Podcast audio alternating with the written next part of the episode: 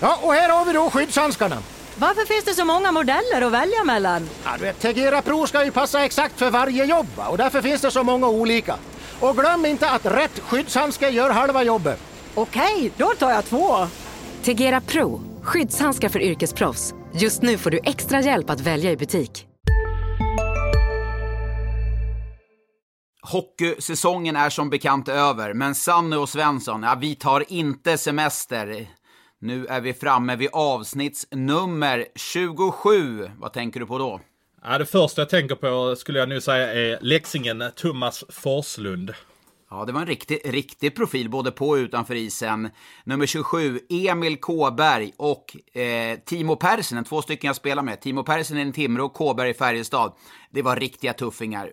Eh, Kåberg fick käken avskjuten, alltså puck på käken i finalmatch nummer fyra mot Skellefteå. Han kunde inte flyga hem dagen efter med laget.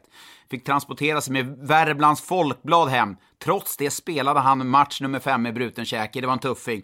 Timo Persinen i ett slutspel 2007, han kunde inte sitta upp i periodpausen för han så ont i ryggen så han fick ligga ner. Dubbla diskbrock, han bara körde, gick ut och var kung på planen då. Så två riktiga tuffingar. Ja, man får ändå säga att Carl Söderberg är en tuffing med tanke på att han eh, har spelat med begränsad syn i stort sett hela karriären efter en eh, händelse i elitserien 2006-2007 då han eh, förlorade 90% på ena ögat. Det var väldigt otäckt det där. Det var riktigt läskigt. Mot Mora var det inte en match mot... Eh, det var en olycklig händelse va? Ja, jag tror det var en olycklig händelse. Det var en av Moras importspelare den säsongen som eh, råkade köra upp klubban. Jag, jag, vill få det till att det var en olyckshändelse. Jag minns inte riktigt hur det var, men äh, han höll ju, det höll ju kvar Söderberg på hemmaplan i Skåne väldigt många år. Det här behövdes ingen polisutredning på det i alla fall, för hade det behövts så kanske det var Thomas Eriksson, Djurgårdsbacken. Jag vill minnas att han var polis. Han var riktigt tuffing på isen några, någon säsong i Philadelphia, men annars i Djurgården. Var det inte så förr att yrkena var typ, antingen var de säljare eller jobbade på bank eller så var de poliser. Ja, eller som Dan Svan i Huddinge, han var sopgubbe. det är välbetalt yrke ju. En annan som definitivt inte behövde jobba som sopgubbe när han var i Linköping var ju Jan Lavac. Jäklar vilken spetskompetens han besatt tillsammans med Linka. Var det 500 000 i månaden de betalade för honom? Det var så här sjuka summor. Det var eh, riktigt sjuka summor på den tiden. Eh, Linköping, jag vet inte om det var i samband med att de sålde Tony Mårtensson och Mattias Weinhandel så de satt på en gigantisk kassa och kunde betala upp eh, sina spetsspelare riktigt rejält då. Ja, hade Luleå fått behålla Nils Lundqvist hade de nog fått slanta upp mycket mer än det rookie-kontrakt han hade i år. Eh, nummer 27 i Luleå, vilken säsong han hade och förmodligen i New York Rangers nästa år. Kanske i farmarlaget, men kommer bli en riktigt bra NHL-back vad det lider. En som kanske inte hade nått hela vägen till NHL, men som Tingsryd är extremt tacksamma för att han var där under alla de åren var ju Larry Pilot. Där pratar vi spetskompetens på division 1 och allsvensk nivå. Jäklar vad bra han var. Det, det kommer med osökt in på Marcus Leifby, eh, den skickliga skribenten. Han har ju en otroligt vass penna i, i, på Aftonbladet. Han nämner alltid Larry Pilot. Och vem nämner han i, i Björklöven så fort han skriver en krönika om Björklöven? Ja, det är väl eh, definitivt virus och Tore Ökvist antar jag att du tänker på då. Och Tore Ökvist, eh, han spelade ju i eh, många, många år, snittade över en poäng i SHL och elitserien med Björklöven. En riktigt vass målskytt. JVM-kedjan som han eh, spelade i 76-77, lyssna på den här. Tore Ökvist, vänsterkanten. Harald Lyckner som center och högerkanten. Hans Säcken Särkijärvi. Och backarna, det, det, det, känn på backlinjen då. Torbjörn Andersson och Rolf Berglund. Torbjörn Andersson, wow. två söner, Nils och Erik Andersson. Rolf Berglund, ja, hans son Kristoffer Berglund ryktas ju till Brynäs nästa år. Just det. Eh, en som eh, tyvärr inte finns med oss som jag tänkte avsluta här med är ju Mikael von der Schess som eh, gick bort för eh, ungefär en månad sedan. Eh, mycket tragiskt. Eh, alla tankar till hans familj såklart.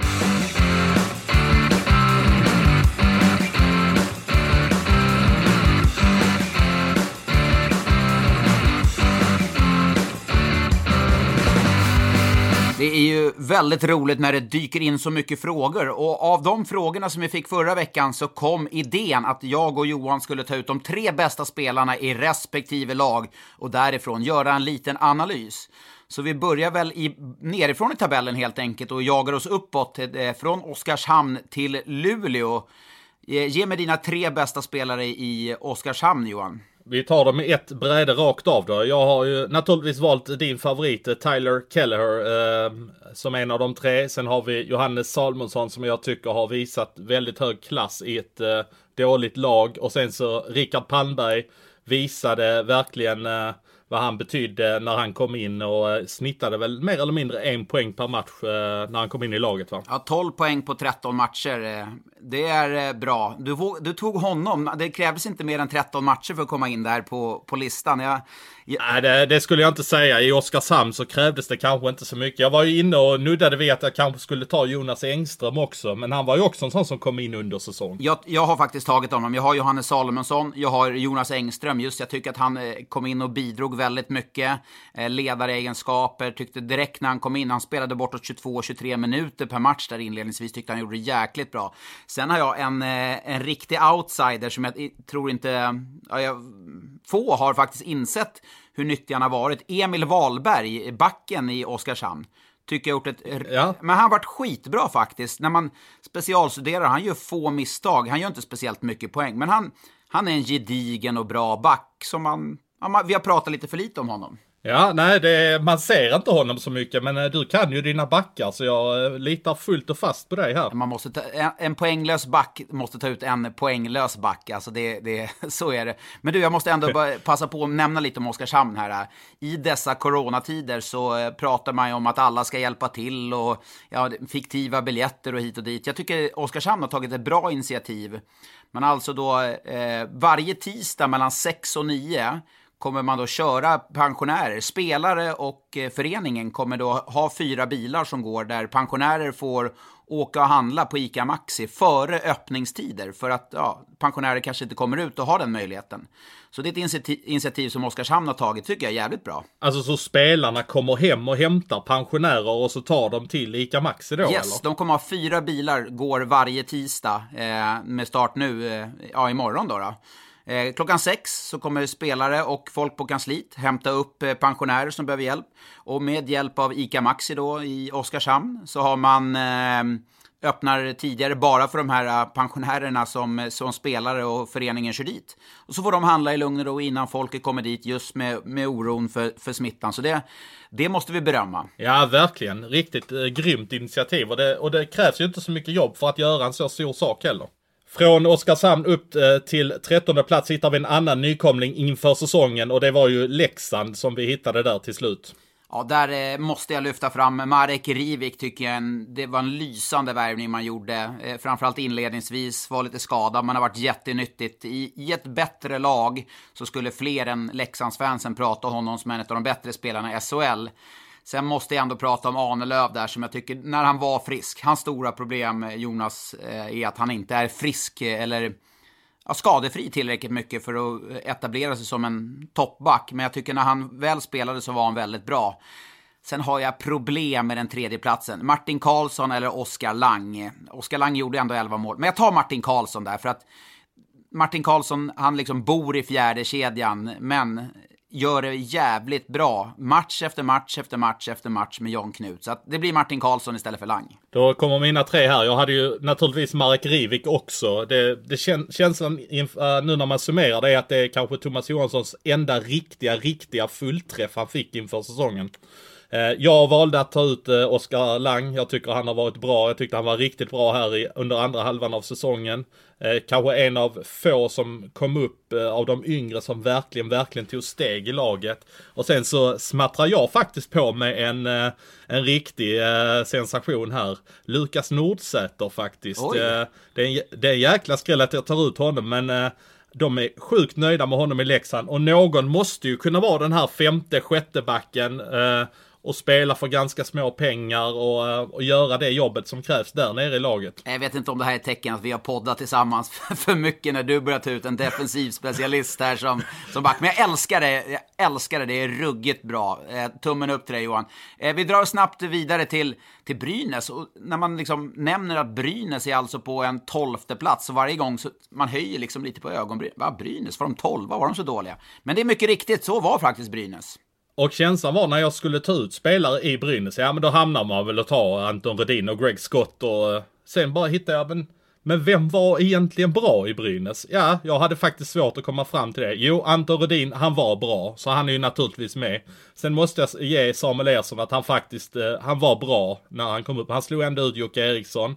Och sen så landar jag i att eh, Emil Molin, eh, hade man slagit ut alla hans poäng han gjorde över en hel säsong så hade han ändå landat någonstans på en 36-37 poäng någonting. Och det är ju en toppspelare i den här ligan. Ja, där är jag helt enig med dig. Rudin är given, helt given. Jag tycker Greg Scott är det också. Han var han var, jag tycker han gör en bra säsong ändå, Greg Scott. Eh, sen har jag precis, eh, min, det stod ganska länge ett kryss där, men valet stod mellan Ersson och Molin. Och jag landade trots allt på Ersson, tyckte han utvecklades väldigt bra, som du var inne på, slog ut Jocke Eriksson och ja, gick, han gick, han, han, han gjorde det bra eh, efter en tuff start ändå. Ja, men vi kan ju konstatera att det var rätt många spelare i Brynäs som eh, hade betalt betydligt mer än vad de presterade, va? Ja, det kan man ju definitivt eh, konstatera utan att på något sätt hänga ut någon spelare. Och där blir det ju storstädning nu. Ska vi stanna upp lite vid Brynäs bara en snabbis? Du skrev ju eh, förra veckan att Peter Andersson är klar. Och när jag då tittar igenom laguppställningen så ser jag att Vet du vem som har snittat mest istid i Brynäs den här säsongen?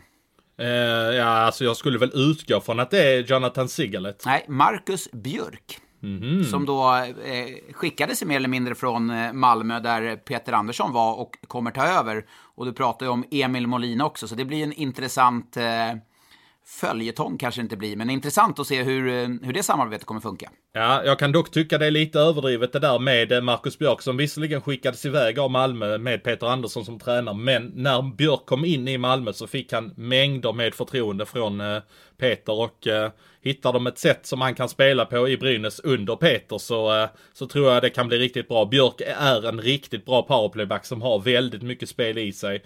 Det är ju den här förbannade skridskoåkningen, framförallt eh, egen zon som är, den är jobbig. Ja, det har han lite att jobba på. Men eh, Brynäs en eh, missräkning den här säsongen. Då går vi över till nummer 11 som eh, blev Linköping eh, här och eh, ja, hade du några problem att ta ut eh, spelarna i det laget då? det finns ju en som är, som är lika given som det är eh, Sanny och Svensson på måndagar. Det är ju Brock Little, 24 mål. Det är helt ofrånkomligt. Sen tog jag ut Jonas Holös också. Tyckte eh, han, han, gjorde en bra säsong. Eh, spelade som förväntat, kanske till och med lite bättre stundtals. Loggade i väldigt mycket istid. Sen tredje tycker jag eh, är, är svårt. Jag tog ändå Jacko Rissanen som hade en fullkomligt usel start i Linköping som många andra, men växte efter säsongen. Jag valde dock bort Andrew Gordon med tanken på att han, jag tror han bara gjorde 26 matcher. Jag tyckte det var lite lite, men med tanke på att Palmbergs 13 räckte i Oskarshamn kanske jag skulle haft med honom. Ja, där finns en annan som eh, kom till Linköping som jag tycker eh, det räcker, det, det han visade. Jag tycker så här att Niklas Hart, han hittade faktiskt hem lite grann i Linköping. Och eh, nu när dessutom Sebbe Karlsson avslutar sin karriär så tycker jag att Linköping kanske är behov av det här hjärtat, den här grit-spelaren som som, som kanske behöver köra lite längre ner i laget. Så jag har faktiskt ett krav till Niklas Persson. Det är dags att ge Niklas Hart ett, ett nytt kontrakt. Oj, oj jäklar. Har du procent eller har du något, någonting sånt? Ja, det hoppas jag inte. Men han bor ju nära. Han, han är faktiskt Malmöbo nu. Hans, eh, hans eh, ex och barn bor ju faktiskt i Malmö. Så att eh, man, man brinner väl kanske lite extra för sådana som eh, bor i samma stad. Eh, men sen eh, tog jag ut eh, även naturligtvis eh, Brock Little. Det är ju, det behöver vi inte motivera speciellt mycket. Och sen eh, tycker jag att Olle Lycksell får man ut 21 poäng på en spelare som man ändå får betala så pass lite pengar för och som de vill behålla så, så tycker jag att det är, han ska med. Ja, det är bra, bra namn. Kan vi bara stanna upp lite vid Linköping? Jag tycker att man under den gångna veckan gjorde en jäkligt bra värvning. Eh, ja, i Filip Berglund ja. ja. Jag, jag tycker den känns eh, extremt spännande och det säger jag inte bara för att det är tider då det kanske inte smäller på med så mycket nyheter utan Filip Berglund, eh, han har ju alltså Skellefteå under flera, flera år trott på och hade han stannat kvar i Skellefteå nu när Jonathan Pudas är borta så tror jag att han hade kunnat ta kliv och bli kanske en 30 poängsback eh, till nästa säsong i Skellefteå. Tror du Erik Forsell där stod lite med byxorna nere och tänkte fasiken stack han nu? Han skulle vi satsa på. Nej, det tror jag inte. Jag tror ändå det blir ett, eh, det blir nog ett litet eh, budkrig kring honom som, eh, som Linköping drog det längsta strået på. De, de har förvisso Junland och de har Holös och de har Bäckman på avtal som ändå springer iväg lite i pengarna. Men ja, man har väl kanske råd att ha fyra stycken som ändå sticker iväg lite och så får du ha ett gäng billiga efter det. Men eh, topp, känn på den här topp fyra backuppsättningen då, förutsatt att eh, Mattias Bäckman blir frisk, vilket vi inte vet idag. Men Mattias Bäckman, Holös, Berglund och Junland, det, eh, det är rätt bra topp fyra backuppsättning måste jag säga. Ja, ja, definitivt. Frågan är hur djupet blir längre ner i laget. Det är ju ofta det som man, eh, det är där det kanske krävs lite också. Men rent spetskompetensmässigt så finns det ju mycket där. Ja, ett lag som hade mycket spetskompetens i alla fall, trodde vi in, inför säsongen. Om jag hajade till på Brynäs som tolva så liksom, jag, jag vet inte, Växjö som tia. Växjö tia. Det är ju faktiskt helt sinnessjukt. Eh, har du, har du hittat tre spelare där som, som kan vara tre. Ja, en tyckte jag var väldigt lätt att hitta. Eh, och frågan är, var hade Växjö varit om de inte hade hittat honom här i oktober? Naturligtvis Ilari Melat eh, som gör sitt, eh, ja det, det borde vara hans livssäsong kan jag tycka. sen har jag även tagit ut Brendan Shinnimin tycker ändå hur man än vänder och vrider på det här så tycker jag att Shinnimin gör sitt. Han irriterar motståndarna, han kör och han gör sina kring 25 poäng någonting det är inget fel på det Kinnimin uträttade denna säsongen. Och sen så avslutar jag med en liten skräll där då. Eh, Pontus Holmberg, jag tycker lite i skymundan har han faktiskt gjort en ganska bra säsong och tagit kliv och gjort 17 poäng. Och jag vet att de som gillar statistik och så här, ja men plus minus betyder ingenting. Men att ha sån extrem ja. plusstatistik i ett dåligt lag, det säger ändå en del. Jag har faktiskt också med honom. Jag har med eh, två av eh, tre, dina tre spelare. Ilare Melart har jag med också. Eh, han inledde starkt som fan, eh, rent ut sagt. Eh, sen faktiskt, sen föll han in i... Eh, jag tyckte inte han var så bra på slutet. Men just med tanke på att han inledde så bra så har man liksom det med sig. Men jag är inne på, vad hade Växjö varit utan honom? Sen Roman Horak tycker han gör få dåliga matcher. Eh, tycker väldigt bra. Sen har jag Pontus Holmberg. Det, det tänker jag, tror han kallas för Holma eller? Ja, det är ingen aning. Nej, men om vi ska utse liksom, och kalla en för Holma i, i, i SHL så, så borde ju Pontus Holmberg vara det. Ja, men det är väl klart. Men vad har vi då? Vi har ju Anton Holm, forward i Skellefteå. Han skulle kunna vara en Holma. Max Lindholm i Örebro. Arvid Holm Nej. skulle kunna vara en Holma. Alltså, vill du göra någon referens till Eitu Holma som kom in i Örebro och vägde 118 kilo efter en eh, sommar och fick kicken på stående fot? Men, kommer du ihåg det? Nej, det kommer jag faktiskt inte ihåg. men jag gillar det så här, för, för, förr hade man ju alltid sköna smeknamn och Holma är ju ett skönt smeknamn. Linus Kronholm skulle kunna vara i Malmö, men han har inte riktigt jobbat upp sig som en Holma ännu. Uh, han kallas ju generalen av, uh, av Malmö. Ja det, är, ja, det är bra generalen. Valli Walterholm som var i Djurgården, han är lite för kanske ny för Van Holma. Ja, jo det är han väl och han presterar väl kanske inte så det får ju bli uh, han. Om du nu har sån förkärlek för att någon ska heta Holma så får det väl bli Pontus Holmberg då. Men då får vi, får vi avgöra, är Axel Holmström eller Pontus Holmberg, vem är mest Holma? ja, alltså eh, sett till denna säsongen får man väl ändå ge att det är Pontus Holmberg. Men eh, vi vet ju alla vilken kapacitet Axel Holmström har i sig. Ja, men vi, vi säger Holma då. 18 spelare snittade mer istid än Holma i, eh, i Växjö, men ändå har jag honom som topp tre. Från ett lag som huserar i södra Sverige till det laget som huserar längst ner i södra Sverige, i den staden jag befinner mig exakt i detta nu, så finns ju Malmö Redhawks som slutade nia och eh, sett till förväntningarna inför säsongen så var det väl kanske någonstans där de skulle ligga, men ändå kan vi summera Peter Anderssons sista och fjärde säsong som den sämsta de har gjort eh, under de här fyra åren och eh, nu vill jag höra vilka tre du har. Eh, jag tror vi kommer nästan landa in på tre, tre samma, eh, samma namn här. Det är Händemark mm. ofrånkomligt. Oskar Alsenfelt ofrånkomligt. Sen tredje namnet, där lyfter jag ändå in Adam Olas Mattsson, tycker jag. Jag ser du, du drar på smilbanden lite, har du samma? Ja, samma. Jag trodde faktiskt du skulle ta eh, Lars Bryggman istället för eh, Adam Ullas Mattsson eftersom du ändå gav honom Erik Forsell Trophy här eh, under veckan som gick. Ja, men han, eh, Brygg, Lars Bryggman får ju inte det erkännandet han förtjänar, tycker han är underskattad. Men eh, det skulle, detsamma skulle man kunna säga om Adam Olas Mattsson. Han är Ollas eller Ollas? Eh, jag tror inte han bryr sig eh, alls, men eh, Ollas tror jag. För det är väldigt viktigt när det gäller Jesper Ullas att man säger Ullas. Okej. Men Adam Ollas Mattsson tror jag funkar alldeles utmärkt. Ja, men det är de tre. Jag tycker framförallt eh, Olas Mattsson där, hans säsong är ju bara kurvan spikrak uppåt. Ska, skulle varit kul att se honom i ett slutspel, visserligen kanske bara i en bästa av tre om inte de hade gått vidare, men han var, skulle visserligen varit avstängd en match också kanske. Ja, första matchen skulle han varit avstängd, så han, han slapp i alla fall den nu när eh, säsongen ställdes in. Men eh, ja, jag, tror, jag slår till med att eh, han gör landslagsdebut här under hösten som kommer faktiskt. Eh, före Josef Ingman i, veck, eller i Brynäs heller. Det var jag som förstörde hans säsong.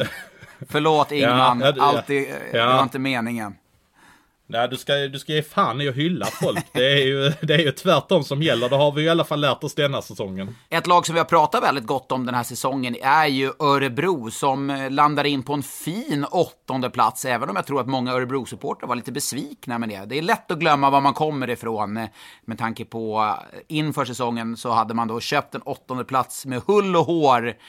Eh, dina tre bästa? Mina tre bästa i Örebro, ja den första är enkel. Det är Mattias Bromé, eh, poängbäst i laget, har spelat till sig ett NHL-kontrakt. Eh, väldigt lätt. Ryan Stoa, där får jag dra en liten grej som hände i somras. Eh, vi var i slutet av juli. Ryan Stoa presenterades av, av Örebro och kom från KL och jag snackade lite grann med en scout där som hade ganska bra koll på KL och eh, hur det hade gått där säsongen som gick och eh, jag refererade till Ryan Stoa som att eh, som höjde upp honom som klart bättre än Patrik Zackrisson och eh, Ja, det blev en eh, ganska hård eh, hatstorm. Ja, hatstorm vet jag inte, men det, folk blev väldigt upprörda för att jag eh, sa att Stoa är bättre än Zackrisson och jag hatar ju Leksand sen gammalt naturligtvis. Och, men där får man ju ändå säga att eh, det blev väl ganska rätt, eller hur? Du vill ha upprättelse?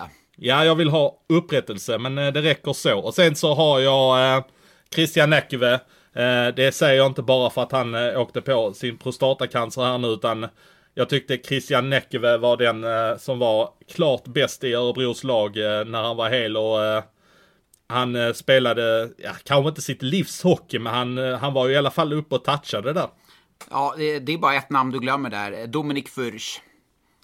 Naturligtvis. Alltså fy fasiken, jag tyckte eh, första halvan av säsongen, han stod på huvudet. Han, han var så bra, om inte bättre, mot vad eh, man, man trodde. Eh, han fick också en liten dipp, precis som hela laget.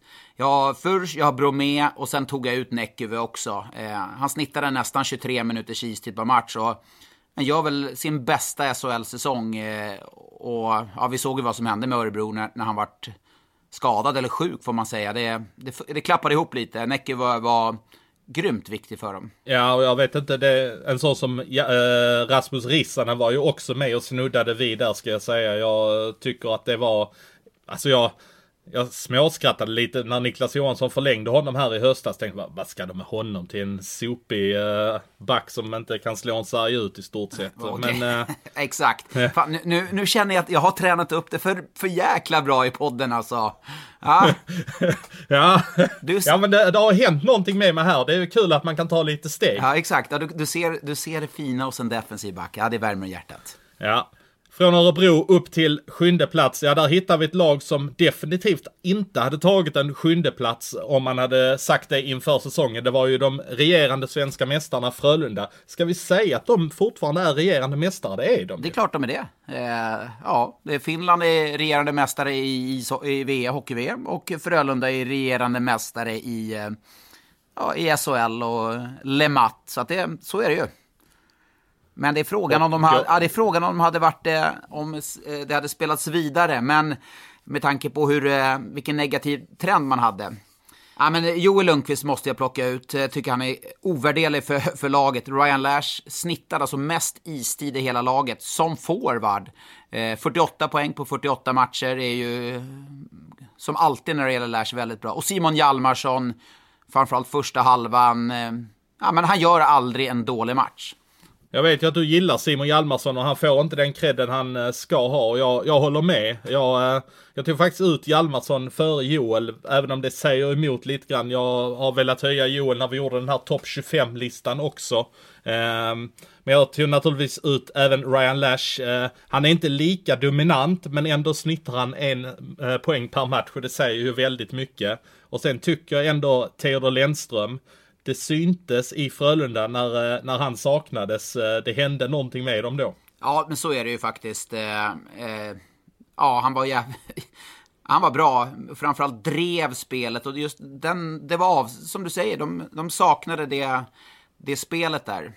Från en storstad till en annan, från Frölunda till de de mötte i final i fjol, Djurgården. Ja, och Djurgården, eh, där har jag eh, plockat ut eh, Niklas Svedberg. Jag ska säga först och främst att jag kommer inte plocka ut Jakob Josefsson, även om jag tycker han är så jäkla bra. Men det blev för få matcher för honom. Och jag tycker det fanns andra i laget som också stack ut. Niklas Svedberg börjar jag med. Han, det, det, här har blivit en revansch för Niklas Svedberg efter den säsongen han hade i Timrå. Han är Djurgårdens uttalade etta inför nästa säsong och jag tror han kommer vara precis lika bra nästa säsong. Dick Axelsson har inte heller spelat en hel säsong, men hade han spelat hela säsongen så hade han vunnit hela interna poängligan för att eh, han kom in och var eh, riktigt bra. Och sen har jag valt Linus Hultström som eh, gör sin bästa säsong eh, offensivt sett som back och har spelat till sig ett KL-kontrakt och vinner interna poängligan. Eh, jag är enig med dig mycket där. Jag har inte heller tagit ut Jakob Josefsson, vilket smärtar, för att han är ju jävligt bra. Men varit lite skadad, tagit tid att komma tillbaka. Han hade nog varit intressant att se slutspelet som många andra. Men Svedberg, och revanschen nummer ett den här säsongen. Eh, Dick Axelsson har jag också tagit ut, tyckte han var jättebra. Sen valde jag mellan Linus Hullström och Ola Alsing och valet föll till slut på Ola Alsing. Så man glömmer bort lite, vart skadad där och, och um, föll bort. Men jag tycker han var, Olle var, han bar nästan Djurgården en, en period i, i höstas. Vi hoppar upp ett steg i tabellen och där eh, hittar vi HV71 eh, som landade som nummer fem i tabellen och eh, ja, de var med hela vägen in i slutet och kunde faktiskt blivit tvåa om de hade gjort sitt eh, jobb uppe i Leksand. Nu spelade det inte någon roll eftersom säsongen blev inställd, men eh, ja, de landade på femte plats. Ja, där, eh, det är, det är många, alltså de har ett jämnt lag. Det är en som jag tycker sticker ut över alla andra. Det är Kinnvall, Johannes Kinnvall. Eh, vet du, han alltså snittar sjätte mest istid av backarna. Sjätte mest istid av backarna. Det är ju faktiskt helt jävla sjukt. Så bra som han har varit. Eh, jättemärkligt. Sen tyckte jag Alexander Bergström när han kom in, eh, tog ett tag eh, innan han hittade rätt. Men han har verkligen höjt, han har höjt nivån, eh, ska jag säga, i HV71. Sen sista platsen stod mellan Linus Fröberg och Lauritsen där backen. Men det faller på Lauritsen, för jag hade inga förväntningar på honom inför säsongen. Jag såg honom mer som en breddback i den starka uppsättningen man hade. Ja, men jag är lite inne på det du äh, säger här om Lauritsen. Han är en av mina tre också. Att, äh, att han skulle göra 30 poäng, det såg jag ju verkligen inte komma. Och frågan är om han är en one-hit wonder denna säsongen så att, äh, så att Malmö har gått och överbetalat honom. Eller om han verkligen är så här bra. naturligtvis har jag även Johannes Kindvall som har gjort sitt gigantiska genombrott och sedan eh, valde jag Linus Sandin eh, som eh, blir bästa målskytt och kommer de ens få behålla honom nu med tanke på att det säkert finns lite NHL-intresse för honom? Ja, det kommer det finnas. Eh, jag tycker Linus Sandin är också bra, men han, han är en jag ska säga en endimensionell spelare. Han är, han är bra i, i en viss yta framför mål. Jag tycker inte han driver spelet så mycket. Eh, det säger jag inte med en negativ klang, utan, det, mm, utan han är en målskytt, eh, tycker jag. Eh, tycker inte han bidrar lika mycket i spelet som, de kanske, som jag plockar ut, en sån som Bergström. Men bra namn, definitivt. Och har man bra namn eh, så ska man ju då, det laget som HV71 hade fått möta i, eh, i en kvartsfinal. Eh, nu blev det ju inte så, men det hade ju varit Skellefteå som slutade in på en, får man säga ändå, en fin fjärdeplats. Ja, det trodde man ju inte i slutet av eh, januari när, eh, när de spelade som de gjorde. Sen hade de en magisk februari för absolut ingenting. Och man kan säkert tacka Gustav Lindvall väldigt mycket för att man blev så framgångsrika under säsongen. Han kanske rent av är den eh, bästa målvakten i hela ligan, så han är given på min lista. En annan som jag också tycker är given är Jonathan eh, Pudas som tog de här kliven och nu eh, blir det ju spel utomlands till nästa säsong. Och vem har du tagit och, bort av Möller och Lindström? Det här är jävligt spännande.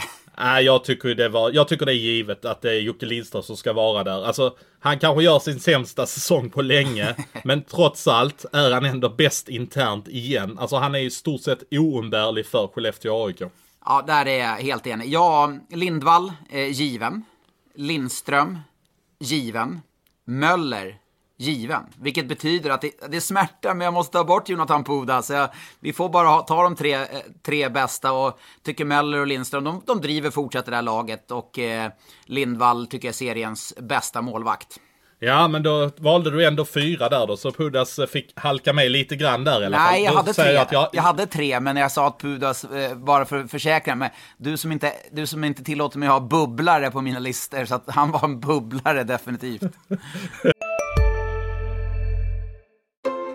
Just nu pågår vår stora season sale med fantastiska priser på möbler och inredning. Passa på att fynda till hemmets alla rum, inne som ute, senast den 6 maj. Gör dig redo för sommar. Välkommen till Mio. Hej, Synoptik här. Visste du att solens UV-strålar kan vara skadliga och åldra dina ögon i förtid? Kom in till oss så hjälper vi dig att hitta rätt solglasögon som skyddar dina ögon. Välkommen till Synoptik. Eh, Vi vandrar ner till Skåneland igen och ett lag som gjorde sin bästa säsong någonsin är Rögle BK och eh, de landade in på en otroligt fin tredjeplats efter en grymt fin säsong och eh, här kan jag säga att här hade jag faktiskt lite problem att eh, välja bort eh, de jag till slut valde bort. Men låt höra dina tre. Nej, det här tycker jag var det lättaste laget och att faktiskt plocka ut. För det är tre som sticker ut över de andra. Det är Ted Brithén, Dennis Everberg och Daniel Saar. Nej, nej, nej, nej, nej, för helvete. Den minen! Nej, jag skojar. Nej, jag skojar. Nej, Dennis Everberg, Ted Brithén och Cody Curran såklart. Ja, men då var det inte så givet ändå. Naturligtvis var Cody Curran given. Han, alltså vi behöver inte ens prata om Cody mer. Han har du liksom ägnat all tid i världen åt redan. Va? Eh, ska vi inte, pra- ska vi inte prata om Cody Curran? Ja, finns det något mer du har att tillägga kring Ja, honom? den här då? veckan så kommer det ut, eh, jag var ju nere och träffade Cody Curran för Simors räkning och då skulle det vara ett 5-6 minuters reportage i en eh, samband med en Rögle-match i slutspelet. Men eftersom det inte blir någon match så kommer det komma ut på Simor en Cody Curran special på 27 minuter! Ja, det är så, alltså, det är så mycket hockeygodis i dessa tider. Så är det, alltså jag är så glad, för det är så mycket underbart material. Det var inte för, för att jag gjorde det, utan det var för att Cody Curran öppnade upp och bjöd på sig själv. Men nu pratar vi inte mer om honom. Eh, Ös på med dina namn. Ja, Ted Brithén också given. Han är loket i laget och nu försvinner han så att eh, nu blir det ju väldigt intressant att se vem som ska driva laget. Sen är det ju en annan som jag har den här kärleken för och det är Leon Bristedt. Jag tycker han är så jäkla bra. Ja, du, du, du ser ju vilka namn de har. Det var ju när vi gjorde den här topp 50-listan, eller topp 25-listan gjorde vi på, på Expressen när, när vi gjorde tillsammans, du, jag och Robin Lindgren. Eh, som, som körde, den, körde den listan och någon till där. Eh, och då, Ja. Alltså när man plockar Rögle, alltså vi hade fem sex spelare på topp top 25. Och då tog man inte Roman Will och alltså de, så jäkla bra. Men Dennis Everberg tycker jag, han, så jäkla stark på pucken. Och där kan vi dra en liten parentes också. Paul Andersson Everberg, Dennis farsa, han hade ju också nummer 27. Ja, men exakt. Och eh, där finns ju en liten an- anekdot kring honom också. Att eh, när eh, Västerås, han är ju väldigt förknippad med Västerås också, spelade ju elitseriehockey i Västerås. Och när de skulle ta klivet upp efter konkursen från division 1 till Hockeyallsvenskan så låg han alltså och bodde i Ängelholm och spelade för Västerås för att hjälpa dem upp i Hockeyallsvenskan. Det är ju verkligen värt en guldstjärna det där. Rögle gjorde ju en fenomenal säsong, eh, bästa i klubbens historia. Och Färjestad gör ju också en lysande säsong. Och jag som bor i Karlstad, jag kan i alla fall konstatera att det varit ett jävla gnäll på laget. Och trots det landar man in på en fin andra plats. Eh, Ja, det kan man säga och det finns ju anledningar till det. Det var många spelare. Framförallt var det ju offensiven som, eh, som bar dem upp. Man kan ju inte säga att det var defensiven direkt. Så vi, vi tar väl poängliga-vinnaren där, eh, Marcus Nilsson, som eh, är given bland mina tre och jag antar att han är bland dina också. Per Åslund likaså tycker han eh, han gör kanske sin bästa säsong eh, någonsin och sen så blir det ju väldigt svårt så jag väljer bort kanske de andra som typ Linus Johansson och Ejdsell och de här och så slänger jag på Arvid Holm istället för alltså Arvid Holm komma in och göra den debutsäsongen. Alltså Arvid är ju inte någon sån här supertalangfull målvakt som, som man har pratat om länge ska komma under alla år utan Arvid har bara kommit in, slagit ut Marcus Svensson och visat att han är jäkligt bra. Ja, men du väljer alltså bort Gustav Rydahl då? Ja, men jag väljer att göra det. Det, det tar ju naturligtvis emot, men jag vill ha in Holm. Ja, nej, men jag har eh, Marcus Nilsson, såklart. Gustav Rydahl. Och eh, en som man glömmer bort lite här, det är ju Micke Lindqvist som skadade sig. Eh, eh, och dessförinnan ledde poängligan. Så att jag, det är de tre jag lyfter in som Färjestads bästa. Sen finns det ju jättemånga, Åslund och du nämner några där. Men jag landar in på Nilsson, Rydahl, Linkvist som också var första kedjan. Då ska vi ta oss vidare absolut längst norrut i serien och där hittade vi seriesegrarna, de överlägsna seriesegrarna Luleå Hockey. Så att eh, där, eh, där finns det naturligtvis många som har gjort avtryck under säsongen. Erik Gustafsson, eh, vilken klippa. Alltså, han är lika bra som förra säsongen. Eh, gedigen, bra tvåvägsback. Han vinner interna poängligan. Före Nils Lundqvist som också är med, given.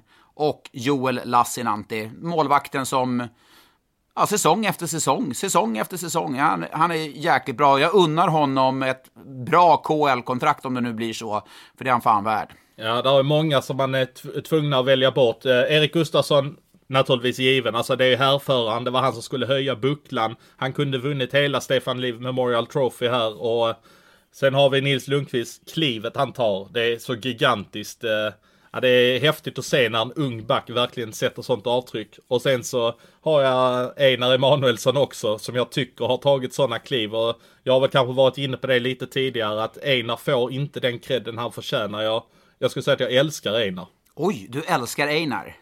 Ja, jag älskar Einar. Ja, det... Jag tycker han är jäkligt bra. Ja, det, han, är, han är härlig att se på. Men du, nu kommer få Luleå-fansen efter. Ingen av oss har deras gun gunstling Johanne Tyrvinen på listan. Nej, det, det tog emot kanske lite att välja bort honom. Men jag får trösta mig med att jag var den enda som hade honom på topp 25 på vår eh, SHL-lista. Det var ingen annan av er som eh, valde att ta med honom. Ska jag säga, det, det, det, tog inte emot ett dugg att inte ha med honom. För det, Luleå har ett jäkligt bra lag. Han är duktig, det har varit kul att se honom i slutspelet, men han rör inte på eh, Lassie Gustafsson eller Nils Lundqvist.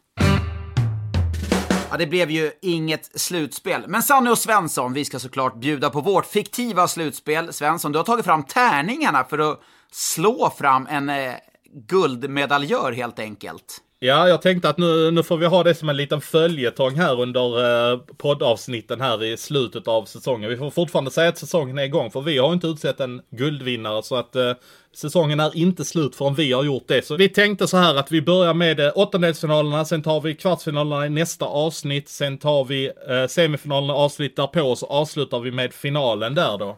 Då är det som så att det är alltså Frölunda mot Växjö i en åttondelsfinal och Örebro mot Malmö i den andra. Frölunda, Johan du har tärningarna redo. Frölunda vinner om du slår 1, 2, 3 eller 4 i match 1. Blir det 5 eller 6 så vinner Växjö. Ja, men då slår vi den första och det hör vi här att tärningen är igång. Rulla och det blir en tvåa vi slog där. Frölunda vinner alltså match 1 i ett fullsatt Skandinavium och eh, Johan Sundström trycker in en retur eftersom Ryan Ashcott i powerplay och stänger matchen. 4-2 blir det alltså till Frölunda i match 1. Och parallellt med den så har vi match 1 i Örebro och då ska vi alltså få fram en vinnare på samma sätt och då slår vi fram en fyra. Vilka vinner då? Det är väl Örebro som vinner det där också? Det betyder att eh, Robin Kovacs blir fälld precis med en minut kvar av matchen och framkliver Mattias Bromé och gör en Foppa-straff med tron till våra ögon. Det här är bland det läckraste vi har sett i det pressade läget sen Peter Forsberg gjorde det 1994. Då är vi match två i Växjö. Då är det som så 1, 2, 3. Då vinner Frölunda. 4, 5, 6 så vinner Växjö. Får vi en match 3. Det blir en etta. Oj, oj, oj, tungt för Växjö. Vilken säsong! Det är ett fiasko helt enkelt. De åker ut i två raka matcher. Och kan det här möjligtvis vara Frölunda? Är man på gång igen? Ja, man visar i alla fall i ett slutspel hur jäkla vassa man är i pressade lägen. Då tar vi stökar av eh, match två i den andra åttondelsfinalen på samma sätt. Malmö mot Örebro i Malmö Arena. Där fick vi en tvåa. Det betyder att Örebro är vidare med 2-0 i matcher också. Ja, det har varit ett tungt avslut för Malmö på säsongen. 2-0 i matcher till Örebro inför 3222 betalande åskådare i Malmö Arena. Tungt avslut för Peter Andersson såklart och gratulerar Örebro till avancemang och kvartsfinal där man kommer att ställas mot seriesuveränen Luleå. Bra, då hade vi åttondelsfinalerna avklarade. Inga sensationer på något sätt där, utan nu eh, ser vi fram emot kvartsfinalerna i nästa vecka där det alltså blir lag 1 till 8 som eh, spelar i vårt slutspel. Och då kommer vi alltså få följande möten. Det blir Luleå mot Örebro, det blir Färjestad mot Frölunda, det blir Rögle mot Djurgården och Skellefteå mot HV71 som vi ska slå på en tärning i nästa vecka. Ja, så ni vill, som vill köpa fiktiva biljetter, ni kan swisha Mr Madhawk eh, efter podden. Men du Johan, förutom att spela in podden, vilket som är en av veckans höjdpunkter, tror jag, jag talar inte bara för mig själv, det är jävligt kul faktiskt. Eh, det är nästan lite semester för dig, för nu SHL har ju infört värvningsstopp och du som har eh, till jobb ska man säga och lista ut värvningar, du har inte mycket att göra nu. Ja men det får man väl ändå säga att det har jag ju. Det, det pågår ju lite spel i kulisserna ändå trots allt. Och Eh, även om det är värvningsstopp så har det ju genomförts värvningar. Det kanske är spelare som är på väg bort åt andra håll. Eh, det finns spelare med utgående kontrakt som måste se över sin framtid. Så det är klart att det, det händer saker eh, både här och var. Och jag kan väl nämna det till exempel att Oskarshamn är väldigt på Marcus Svensson inför nästa säsong. Även om de inte får lov att skriva med honom exakt nu så vet jag att diskussionerna pågår.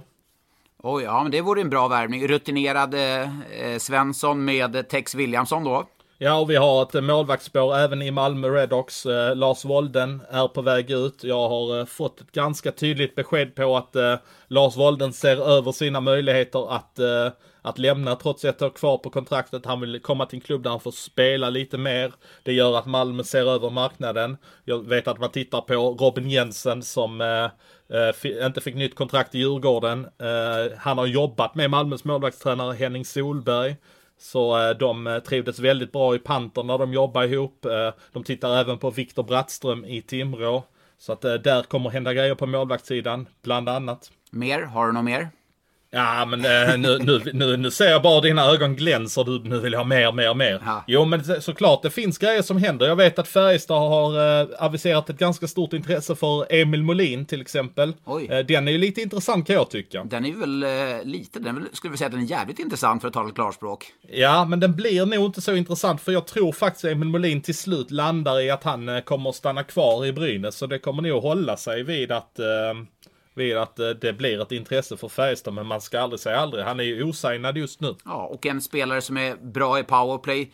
Inte en renodlad ersättare till Marcus Nilsson, men de behöver ju en som en spelfördelare och det har ju faktiskt Molin visat att han klarade av att vara i Brynäs. Det, det är ju inte bara nyförvärv som det är stopp för. Man får inte lov att förlänga kontrakt heller, om det inte är rookie-kontrakt ska tilläggas. Där finns en spelare som jag tycker gjorde det jättebra i Djurgården, eh, Manuel Ågren. Eh, där, eh, där hör jag att man är, eh, man är i stort sett hemma med kontraktsförlängningen, att han har bestämt sig för att stanna i Djurgården. Tidigt under säsongen så hörde jag att både Rögle och Malmö hade lagt konkreta bud på, eh, på Ågren, men han har velat skjuta på beslutet i framtiden. Trivs väldigt bra i Stockholm och det jag hör är att han kommer stanna i Djurgården. Ja, men mer, mer, mer, mer, mer, mer, mer, mer, mer. Ja, men vi kommer ju tappa profiler till nästa säsong också. Jag, eh, jag hör att det finns en väldigt stor chans att eh, Theodor Lennström får sitt NHL-kontrakt nu. Eh, det skulle ju vara ett tapp gigantiskt för Frölunda. De mer eller mindre räknar med det, ser det som en bonus om han nu väljer att stanna kvar. Ja, eh, det vore ju tufft såklart. Han ryktades redan i fjol och har varit ihärdig och jobbat där och gjort bra reklam för sig själv. Så att, eh, det är väl inte helt omöjligt. Ja, vi får se om det smattrar på med lite saker. Det kan ju bli lite stiltje. Vi hoppas inte att det blir lite stiltje. Jag hoppas någonstans att det här värvningsstoppet, eh, att de hittar eh, ramarna de ska förhålla sig till inom SHL. För det är väldigt viktigt att, eh, att de har kontroll på pengarna. Att inte sätter trupper för 40 miljoner. Sen så är det ett centralt bidrag på minus 12 miljoner som inte dyker upp. Då är man rätt illa på det.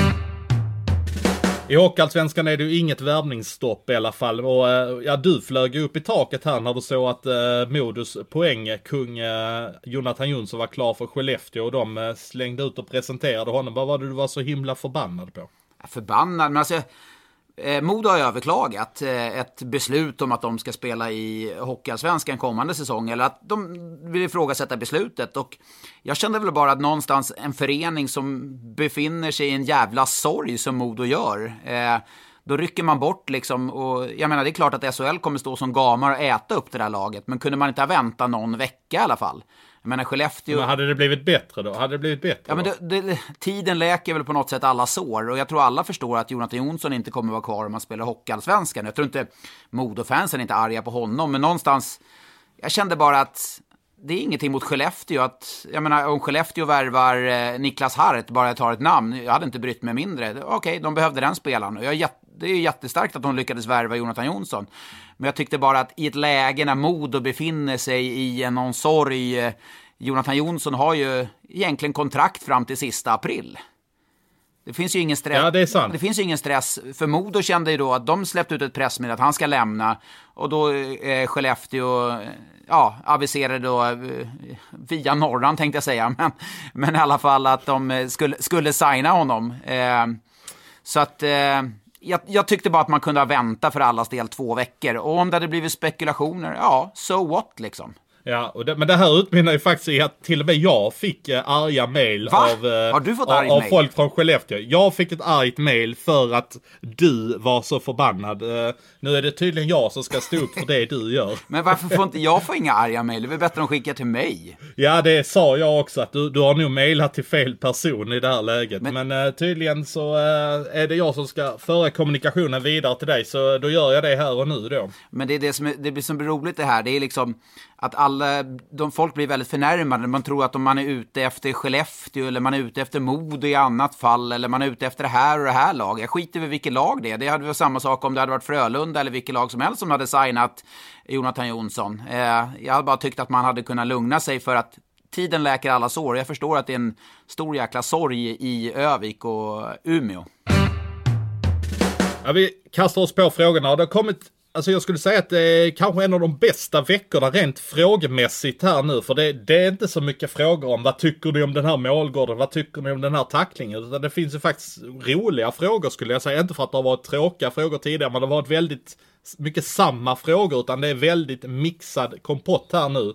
Eh, en fråga för Rune Hedberg som jag brinner för väldigt mycket. Eh, det är eh, det så kallade skitsnacket om, från Leksandsstyrelsen som eh, det var ju någon form av konflikt mot Thomas Johansson här som eh, Aftonbladet skrev om i veckan och som vi också skrev om.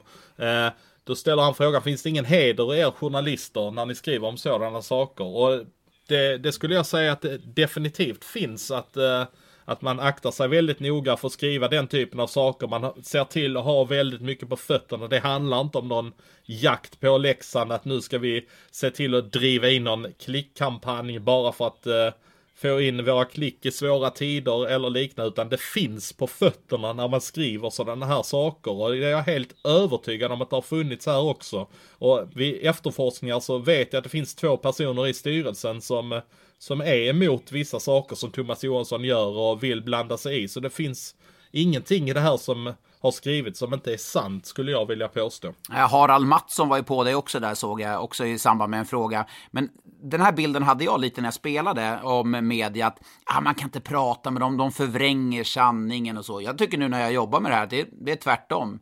Alltså skriver man någonting så har man både hängslen och livrem på sig. Därför har jag ingen som helst anledning att betvivla två ändå så pass skickliga journalister i det här fallet som Hans Abrahamsson och Thomas Ros som, som skrev det för Aftonbladet, även om de är kolleg eller konkurrenter, eh, så tycker jag att Nej, det, och det är anmärkningsvärt. Du skrev ju också en tyckare på det.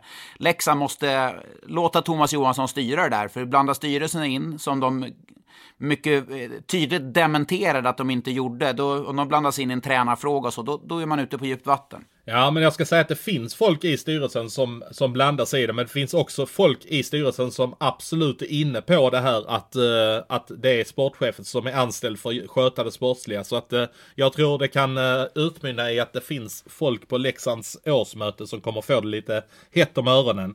Ska vi ta en annan fråga också? Thomas Edström ställer en väldigt relevant fråga de här tiderna. Vem har mest att vinna på Corona? Eh, kort svar, ingen. För vi vet inte vad det här kommer, eh, vad det kommer mynna ut i. Spelarna, eh, klubbar, supportrar, alla är stora förlorare. För vi vet inte dels vad ekonomin kommer vara, när man kommer kunna starta, vilka konsekvenser det kommer ge, om ens viruset kommer försvinna. Alltså vi vet ju ingenting. Så att alla är stora förlorare. Ja men får jag säga, jag vill inte säga vinnare utan om jag säger som har eh, minst att förlora skulle jag säga att lag som eh, Oskarshamn, eh, Malmö och sådana här lag har lite mindre att förlora med tanke på att de ändå är vana vid att jobba med lite mer begränsade resurser. Så skulle jag säga att de kanske har lite mindre att förlora i alla fall. Ja, ja, det är absolut så skulle det kunna vara, men tänker man på bredare perspektivet. En annan fråga, Jonas Björklund. Att Linkan, alltså Mikael Linkvist, stannar i Färjestad. Trodde du ens att det var möjligt? Trodde någon det? Är det sant? Jag är själaglad. Ja, det förstår jag. Håller man på Färjestad så är det klart att det var en drömnyhet. Men vi har ju diskuterat lite sinsemellan och vi trodde väl båda, det är lätt att slå sig för bröstet, tror kanske ingen av oss har skrivit det, men vi sa väl ganska tidigt att fan, han stannar nog i Färjestad. Ja, och det, det, finns ju lite anledningar till det. Dels eh, om man tittar redan innan viruset flög fram så eh, ska man ha klart för sig att Mikael Lindqvist är ju skadad och eh, har ju ut försäkringspengar i dagsläget. Och skulle han säga upp sitt kontrakt så, eh, så kommer det ju sluta med att eh, pengarna slutar att betalas ut och då kommer han behöva gå en hel sommar innan lönen från nya klubben tickar in. Och då äter det på något sätt upp det hela innan han kan börja göra nytta i sin schweiziska klubb eller var det nu hade landat. Ja, och det är ju, han är ju sjukskriven och eh, för en hockeyspelare, bara kortfattat, en, hockey, en hockeyspelares sjukskrivning eh, som, eh, som täcks försäkringar från SEB, den styrs ju av Försäkringskassan. Är man inte försäkrad av Försäkringskassan så betalar inte SEB ut några pengar. Och det är klart att Försäkringskassan skulle ju direkt få, upp, få lite tankar om han då bryter sitt kontrakt med Färjestad och ska lämna för Schweiz så kanske inte hade kunnat vara i Försäkringskassan.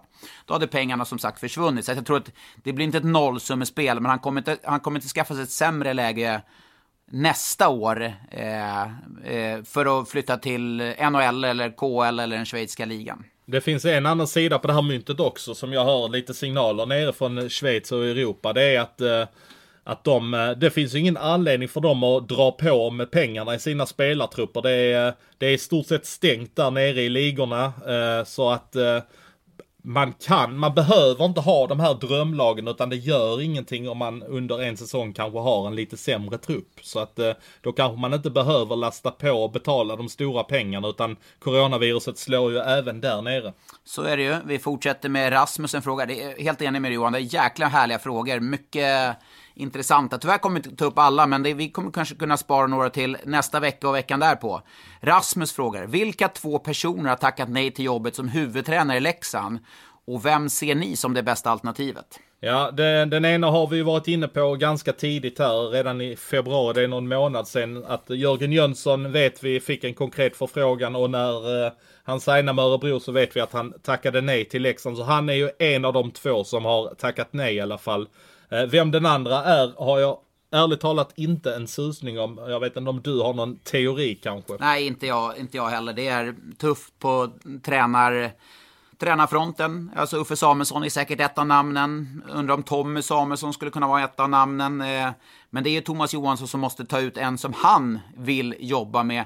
Jag skulle kunna tänka mig, även om det är ett oprövat namn, så är det Benström som är assisterande tränare i Djurgården nu. Som, som jag vet jobb, varit jätteuppskattad i Djurgårdens J20-lag när Thomas Johansson var eh, sportchef i Djurgården. Eh, jag vet inte varför vi har fått den här frågan, men eh, Slenderman frågar hur gammal är egentligen Albin Lundin? Ja, tittar vi i passet så är han väl född 96, men eh, han kanske, han kanske ser lite äldre ut. Det är kanske det han uh, anspelar på här. Jag var, jag var tvungen att dubbelkolla på Elite Prospect faktiskt när frågan dök upp. Jag tänkte, va, är han bara 96? Han ser faktiskt mycket äldre ut. Fredrik Karlsson frågar, eh, Frölunda gick ut med vilka som lämnar, men Ryan Lash fanns inte med. Något som har hänt där?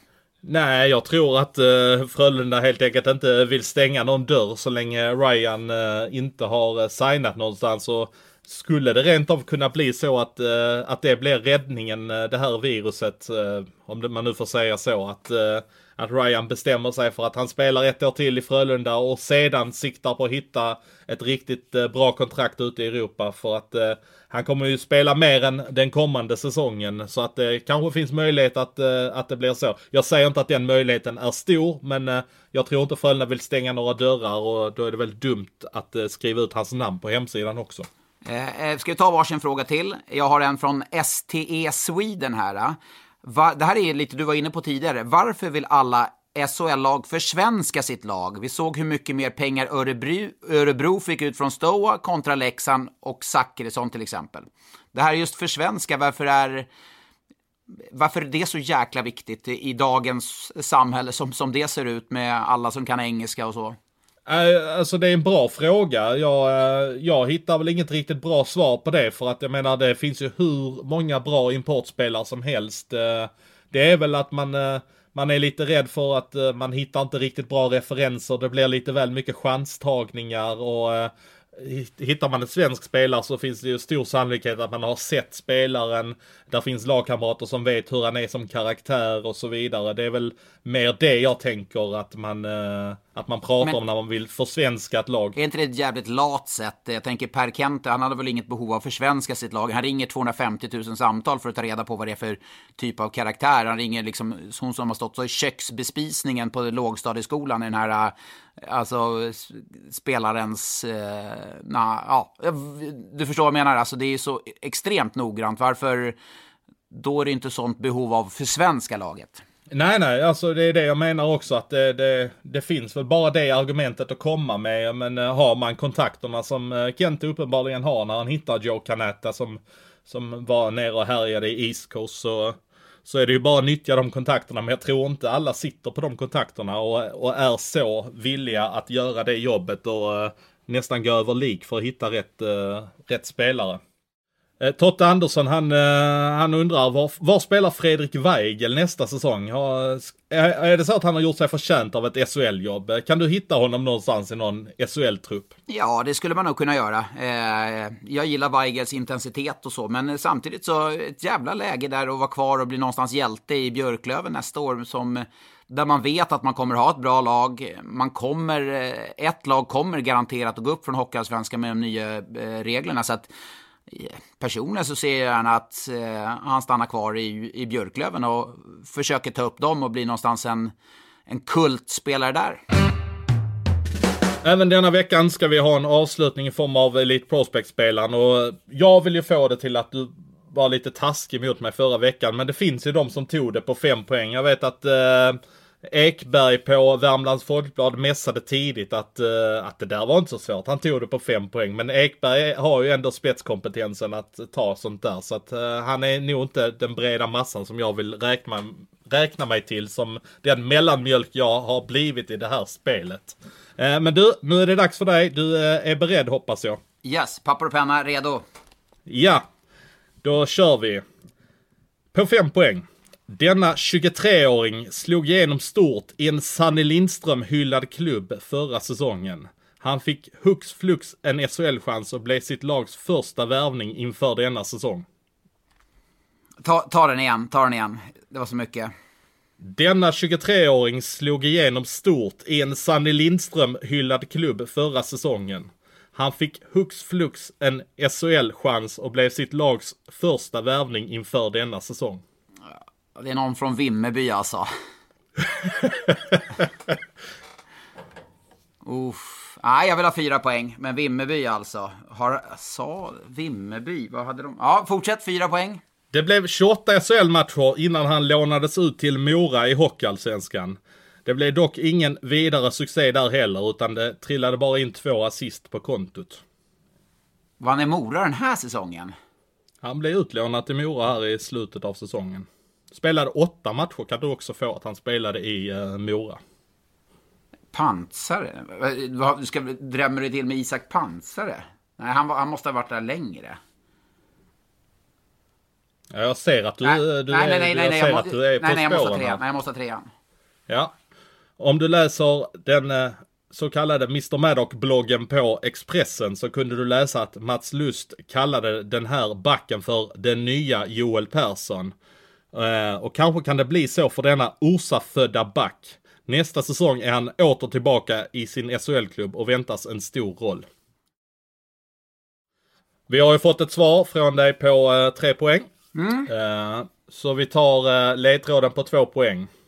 Han har nummer tre på ryggen och spelar för Oskarshamn. Han följde med Daniel Stolt från Vimmerby inför den här säsongen. Så mycket rätt hade du där med att det var någon från Vimmerby.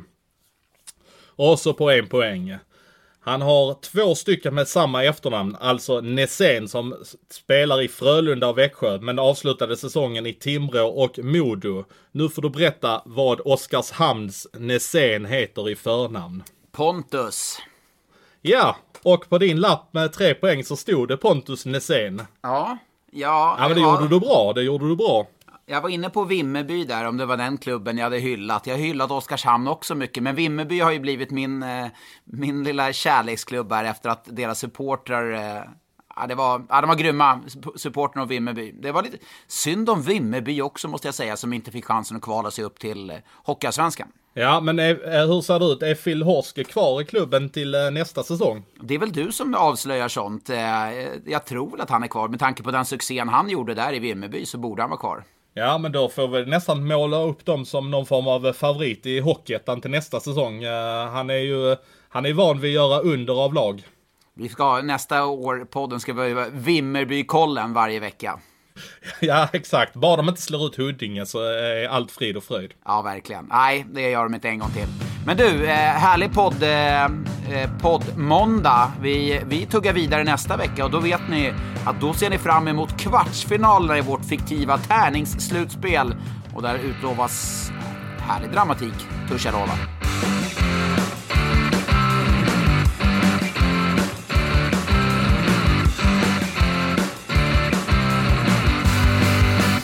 Du har lyssnat på en podcast från Expressen. Ansvarig utgivare är Klas Granström. På Sveriges största jackpot-kasino går hypermiljonen på högvarv. Från Malmö i söder till Kiruna i norr har hypermiljonen genererat över 130 miljoner exklusivt till våra spelare.